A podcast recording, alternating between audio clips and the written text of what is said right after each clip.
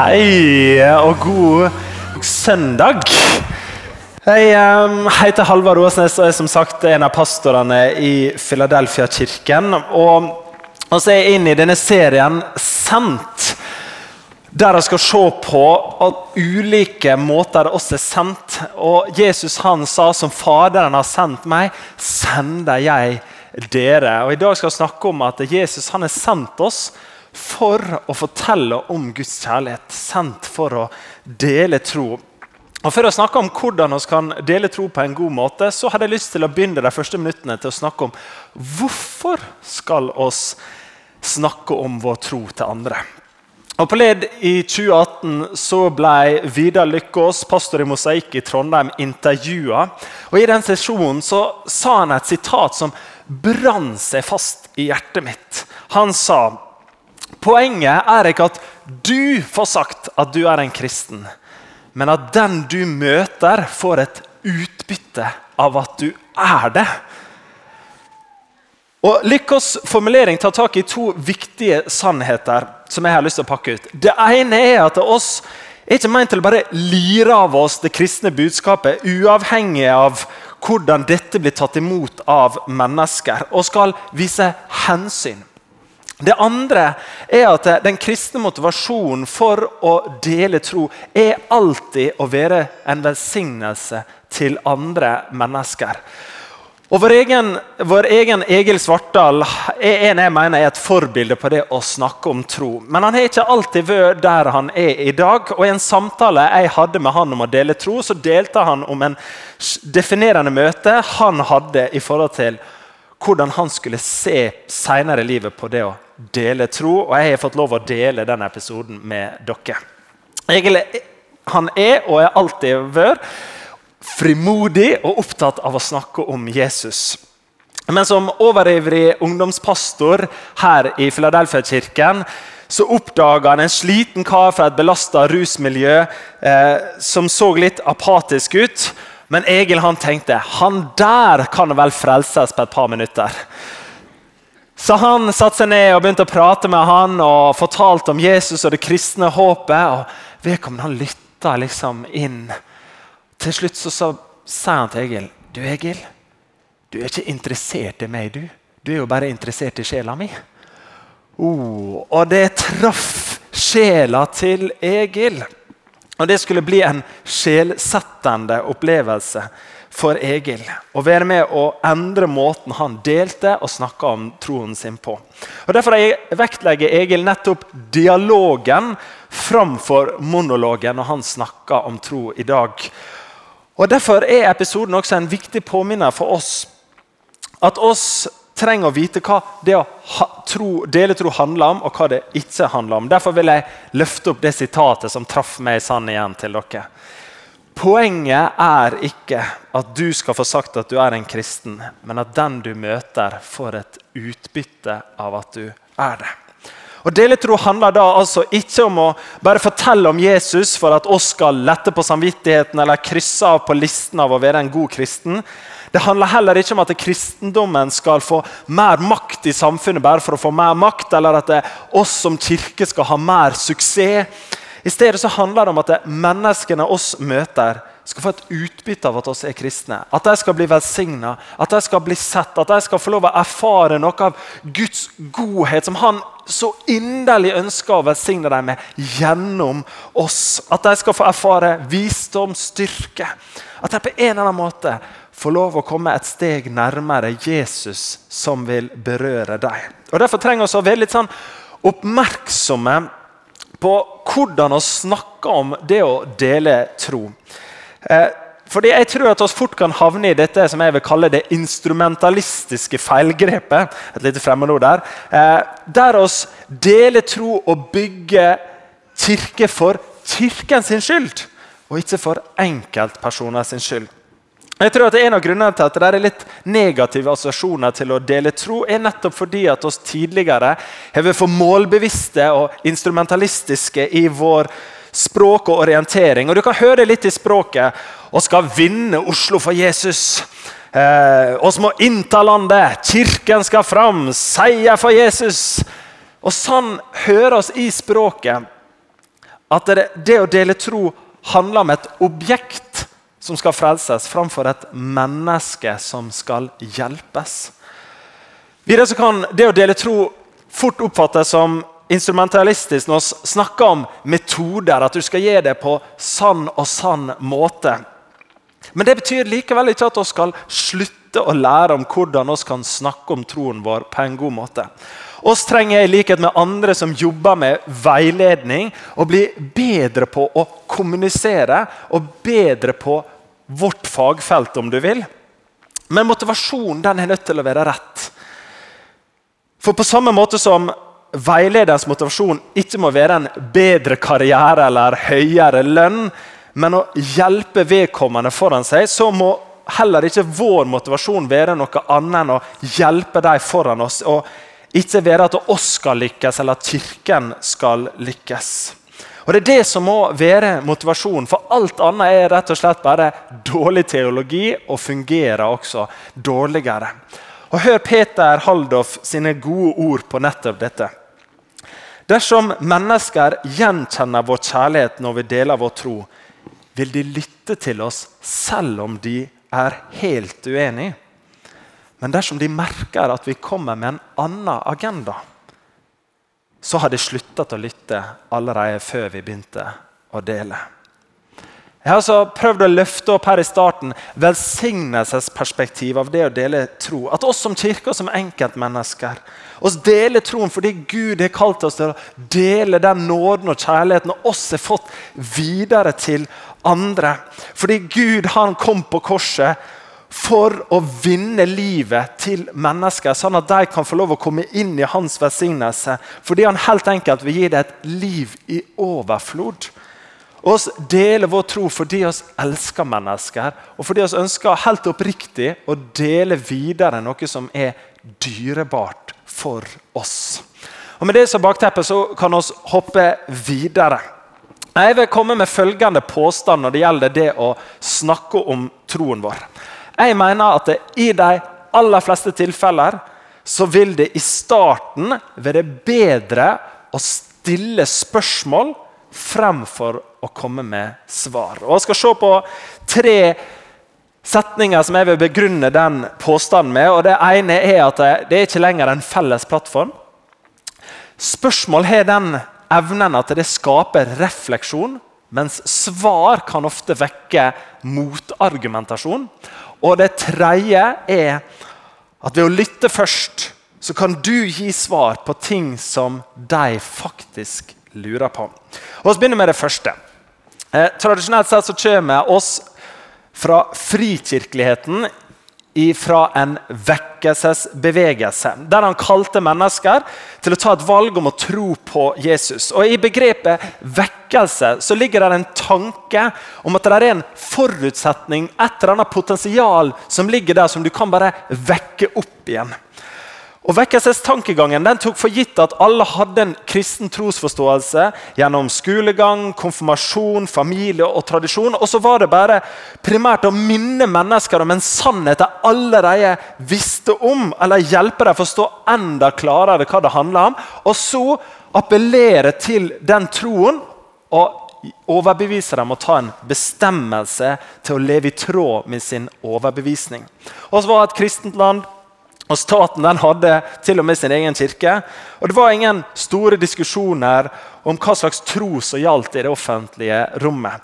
Selvfølgelig døpte han barna sine, selvfølgelig gikk han i kirken på høytidene. Selvfølgelig skulle han ha skolegudstjeneste, og selvfølgelig skulle han ha sykehusprest, og ikke sykehusimam eller humanetisk filosof. Kristendommen hadde rett og slett monopol enerett på sannheten, og derfor så dyrkes monologen, enetalen. Men slik er det ikke lenger i dag. og Derfor har vi i mye større grad behov for å starte med spørsmålene og dyrke dialogen. Og Dette bakteppet det utfordrer også manges oppfatning av hvor lang tid det tar for noen å komme til tro på Jesus. Og Jeg vil løfte fram at det å komme til tro på Jesus og følge han, det er en prosess. En modell som kan tydeliggjøre denne reisen, kalles Angle Scale etter professoren James Engels, som var en pioner, pioner på konsumentatferd. Han tok med seg den kunnskapen han hadde fra business, inn i et kristent anerkjent universitet i Wheaton, der han utvikla denne modellen, som har blitt mest kjent for å beskrive reisen eh, i tro og åndelig modning. Og Den vektlegger nettopp at det å komme til tro er en lengre prosess. Og Modellen her den har vi kritisert i å være litt for sånn lineær.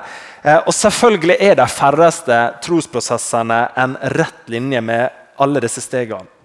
Men denne modellen gir et bilde på at det å komme til tro det er en kompleks prosess som går gjennom ulike faser. Samtidig så vil jeg påpeke at det er unntak. Mennesker kan komme til tro raskere ved overnaturlige hendelser eller ha en usedvanlig høy tillit til budbæreren. Men det må ikke igjen lede oss til å bli blinde på at enkelte som evangeliserer på gaten og sier at de snakker i fem minutter, og så leder de noen til en bønn og en livsforvandlende bestemmelse der og der, og så var det suksess. Nei, jeg tror det tilhører sjeldenhetene at det leder til langvarig frukt. Spesielt når man snakker med folk som ikke har en kristen bakgrunn. I beste fall så forteller de at de responderte på en følelse der og da. Og I verste tilfelle så leder det til større misforståelser av hva en kristen tro er, og hva det vil si å være en etterfølger av Jesus. For Det å se mest av her i Frefakirken er at mennesker som kommer til tro, går gjennom en lengre prosess. Det bringer meg til neste punkt. Spørsmål det skaper refleksjon, mens Svar skaper ofte motargumentasjon. Og Påstand nummer to kommer fra selvopplevde erfaringer fra mitt eget liv. Ser jeg på min egen trosreise, så eh, snakker jeg de fem-seks første åra i mitt liv veldig masse om tro. Jeg kom til tro da jeg var 18 og var gira og var i en annen livssituasjon. Jeg delte frimodig om evangeliet med elektrikerkollegaer på YIT, med tidligere skolekamerater. og når jeg kom i Forsvaret, så delte jeg der og ble til og med presteassistent og hadde som jobb å dele med, til dem. Eh, men underveis så stussa jeg over hvor få som faktisk ble bevega av det jeg delte. Jeg hadde jo masse spennende samtaler om livets store spørsmål, om kristen etikk, om det overnaturlige, om Guds eksistens, de vanskelige spørsmålene knytta til troen. Og jeg opplevde at jeg ga gode svar på deres spørsmål. Men det førte sjelden til at de kom nærmere en tro på Jesus. Som ofte ble vi hengende fast i et eller annet de ønska å problematisere. Og jeg prøvde så best jeg kunne å gi et godt svar på det, men allikevel så var ikke de bevega.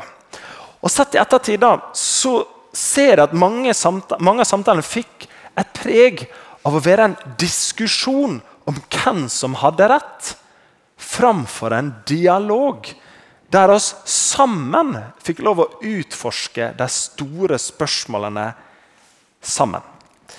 Og Til slutt så ble jeg så lei av samtaler der jeg svarte på deres spørsmål, og at svarene ikke ble tatt på alvor. Og jeg innså at når det gjelder det å snakke om tro i starten, så er det ofte slik at spørsmål det skaper refleksjon, det skaper dialog. Mens litt selvsikre svar skapte ofte motargumentasjon. Og Når det kommer til å stille gode spørsmål, så har vi masse å lære av mesteren sjøl. Jesus er jo åpenbart en kløpper på kommunikasjon, og også her kan vi lære av han. Og Når du studerer litt Jesus, så er det overraskende hvor ofte Jesus svarte på et spørsmål med å gi et spørsmål tilbake. Vi skal se på tre eksempler. Det ene er i Lukas 10, 25-26. Der spør den lovkyndige Jesus. Da sto den lovkyndige lovkyndig fram og ville sette Jesus på prøve. 'Mester', sa han, hva skal jeg gjøre for å arve liv?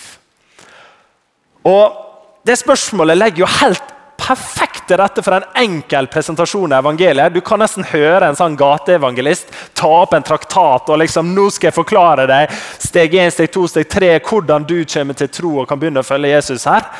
Og du hører liksom Nå har Jesus muligheten. Men hva er det Jesus gjør? Han stiller et spørsmål tilbake. Hva står skrevet i loven? Det var et datidens spørsmål på å si hva tenker du om hvordan han kommer nærmere Gud?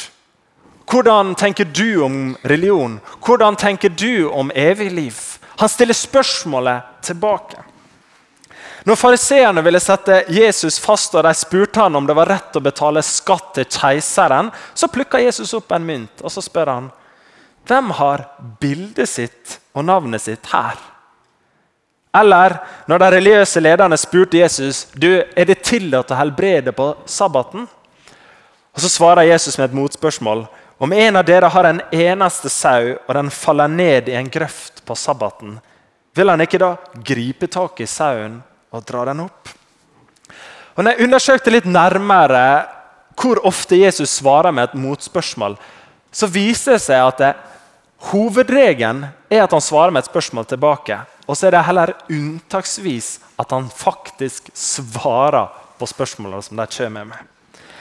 Så målet er altså ikke å ha en monolog der oss kommer med svarene, men å dyrke dialogen der oss sammen skal få utforske de store spørsmålene. Og Det gjør at jeg syns det er så utrolig masse mer spennende å snakke om tro. Det kan få lov å løfte presset av mine og dine skuldre av å ha alle svarene. Og det å flytte rett og slett ansvarsbyrden over hvem som skal svare på spørsmålene, er viktig. Fordi så lenge oss står på forsvarssiden og skal svare på spørsmål, så vil aldri den som stiller spørsmålene, faktisk måtte kjempe med de store spørsmålene sjøl. Det som skjer når vi stiller spørsmål og begynner å reflektere, det er at det veldig ofte så blir det åpenbart for deg og for oss i samtalen at ha, dette har ikke jeg tenkt så masse på. Dette må jeg tenke videre på. Dette ble jeg litt mer nysgjerrig på når du får muligheten til å komme litt dypere inn på det. Og Jeg er personlig kjent på en sånn ny frimodighet og begeistring for å snakke om tro under slike omstendigheter. Og Det håper jeg også dere skal få lov å kjenne etter denne talen. For jeg tror at For mange av oss så vil monologen føles ut som å gå opp til eksamen. Der vi må liksom pugge og ha alle svarene, og så er det liksom opp til oss om de får en mer nysgjerrighet på Jesus. Mens det å ha en dialog med andre personer om de store spørsmålene i livet, der han sammen reflekterer, det tror jeg de fleste av oss vil oppleve mye mer interessant og mindre skummelt. Til slutt, siste punkt. Ved å lytte først så kan du gi svar på ting som de faktisk lurer på. Det siste jeg vil snakke om, det er at eh, Fordelen med å begynne med spørsmål er at du på den måten kan finne ut hva slags spørsmål er det denne personen faktisk har og lurer på.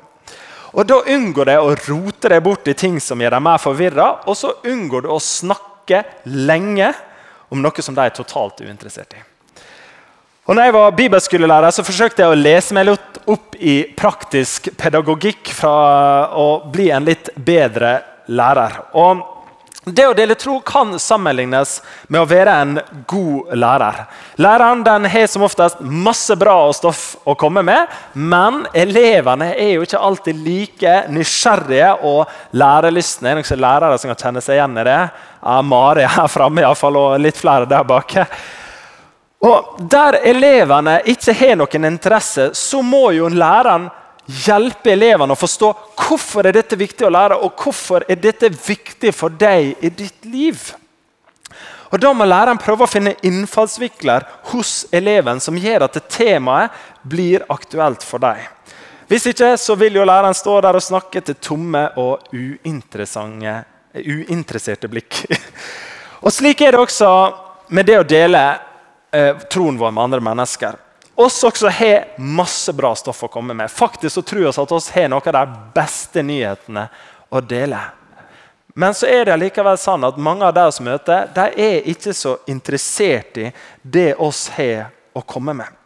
Og Derfor trenger vi å finne ut hva slags spørsmål er det du går rundt og lurer på, før vi kan få lov å komme med svarene.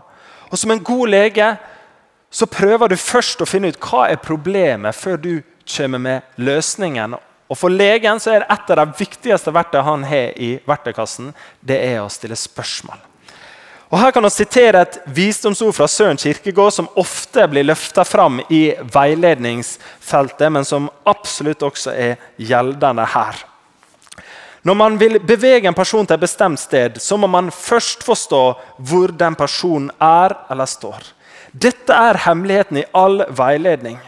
For å kunne hjelpe en annen så må jeg forstå mer enn han, men også forstå det han forstår. Når jeg ikke gjør det, så hjelper ikke min kunnskap noe som helst. Dersom vi skal få lede noen til Jesus, så trenger oss som kirkegård å si å først finne ut hvor denne personen er på sin trosreise, og begynne der. Og Det er litt som en predikant humoristisk har sagt, at det hjelper veldig lite å kunne alt om Abraham fra Kaldea når du kan ingenting om Abrahamsen fra Kalbakken. Du må rett og slett ha et sted å begynne i den trosreisa når du skal fortelle om hva Bibelen har å si.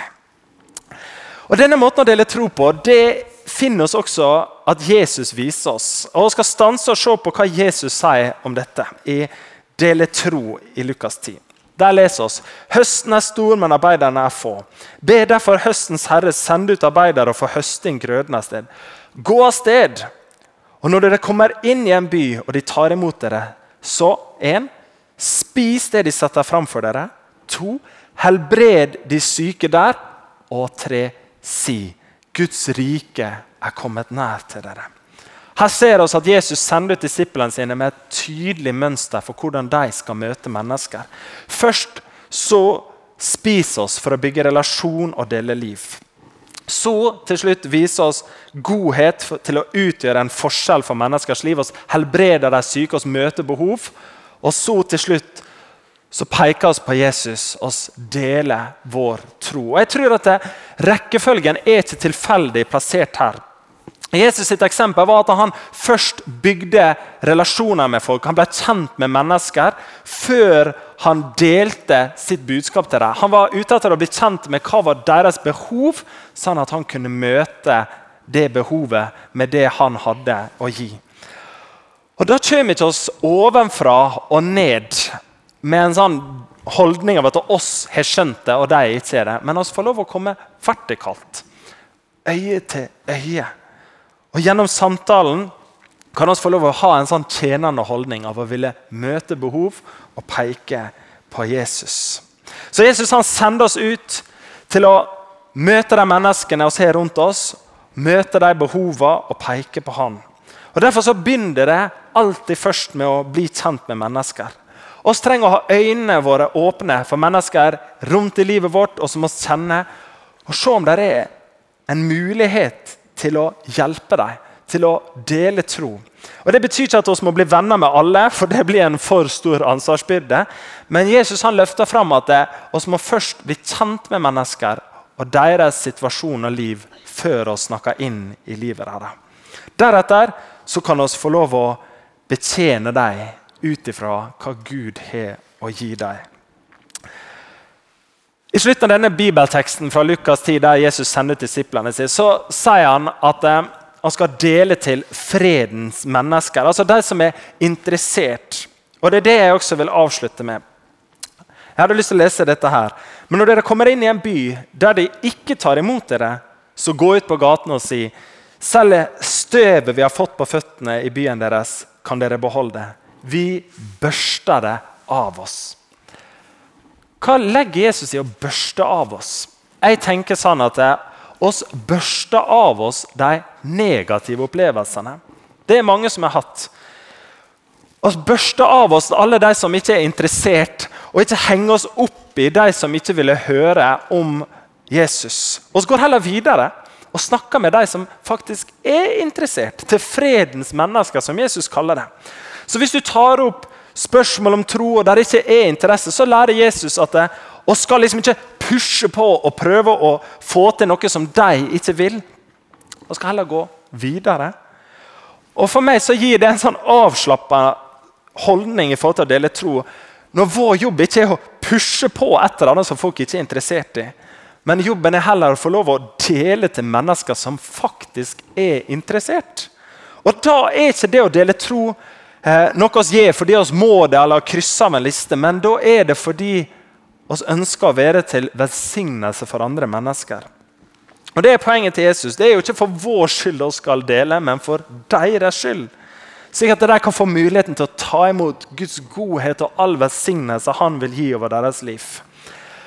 Og Jeg begynte med det å løfte opp velsignelsesperspektivet. og De aller fleste historiene jeg har hørt av mennesker som har kommet til tro på et senere tidspunkt i livet, alle sammen har til felles av å dele at det har berika deres liv. Og Jeg spurte en nær venn av meg og Kristin, som i likhet flere av i vår kirke kom til tro på et senere tidspunkt. Hva har denne relasjonen til Jesus betydd for deg? Og Hun skrev til meg jeg kom til tro på Jesus da jeg var 20 år. Og For meg har troen forandra livet mitt helt og fullstendig. Det har gitt meg et liv med hensikt og mening, fred og glede som overgår alle omstendigheter. I Jesus har jeg fått en verdi som ingen andre ting kan gi. Kirka er blitt familie og hjem. For når egen familiesituasjon har vært vanskelig, er det godt å ha en kirke som alltid er der. En kirke med mennesker som ser meg og som møter meg med omsorg og kjærlighet. Og i kirka får jeg være med og legge til rette for at andre mennesker skal få ha en relasjon med Jesus. Noe av det fineste jeg vet.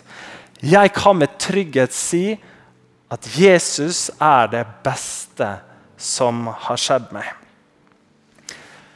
Jeg husker når jeg kom til tro og jeg følte det kunne være litt sånn kjipt å dele om Jesus, fordi det kunne bety eh, i en pietistisk tradisjon at eh, du skulle liksom slutte å drikke og det var liksom sånn, ikke være med på fest. Og sånn. Og så er jo liksom denne problemstillingen veldig sånn typisk ungdomsmiljø.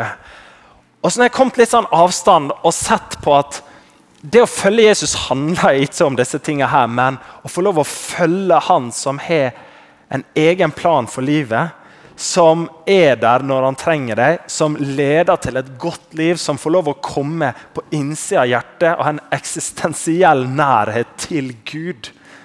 Ja, da har jeg ikke lenger eh, jeg, liksom, jeg, jeg, har ingenting å tenke på at det er feil å skulle dele om Jesus.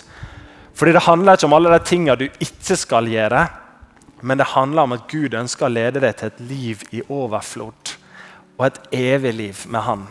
Og Det har gitt meg frimodighet, og jeg håper at eh, du skal få lov å kjenne at du er sendt for å dele tro, fordi Gud ønsker å berøre mennesker med sin kjærlighet og frihet. Og så er det sånn at oss tror at frukten av at du tør å åpne opp for et samtalerom der mennesker du kjenner, kan få lov av anledning til å tenke og snakke om Gud og tro, ja, det kan føre til at flere sier som Maria at Jesus det er det beste som har skjedd meg. Så utfordringen den er gitt at eh, den neste gangen du snakker med noen, så skal ikke du pushe på et eller annet. Men du skal lytte inn, lytte til behovene, og se om det er en interesse for å snakke om de store spørsmålene i livet. Og Det kan starte en prosess som potensielt kan lede mennesker til et nytt og bedre liv i etterfølgelse av Jesus. La oss be. Herre, takk at du elsker alle mennesker, og du ønsker at de skal få lov å komme inn i din familie, inn i din velsignelse og du ønsker dypest sett å ha en relasjon til deg. Gud, oss har ikke det samme hjertet som deg, men hjelp oss til å eh, få lov å gå i ferdiglagte gjerninger. Jeg ber for de ukene som kommer, at eh, mennesker som her ønsker å bli brukt av deg, at de skal få lov å oppleve å betjene mennesker, velsigne mennesker og få lov å lede mennesker nærmere deg. I Jesu navn. Amen. Du har nå hørt en podkast fra Filadelfia-kirken i Oslo. Vil du vite mer om oss, gå inn på filadelfia.no. Og ikke minst velkommen til å feire gudstjenester med oss hver eneste søndag, enten fysisk eller online.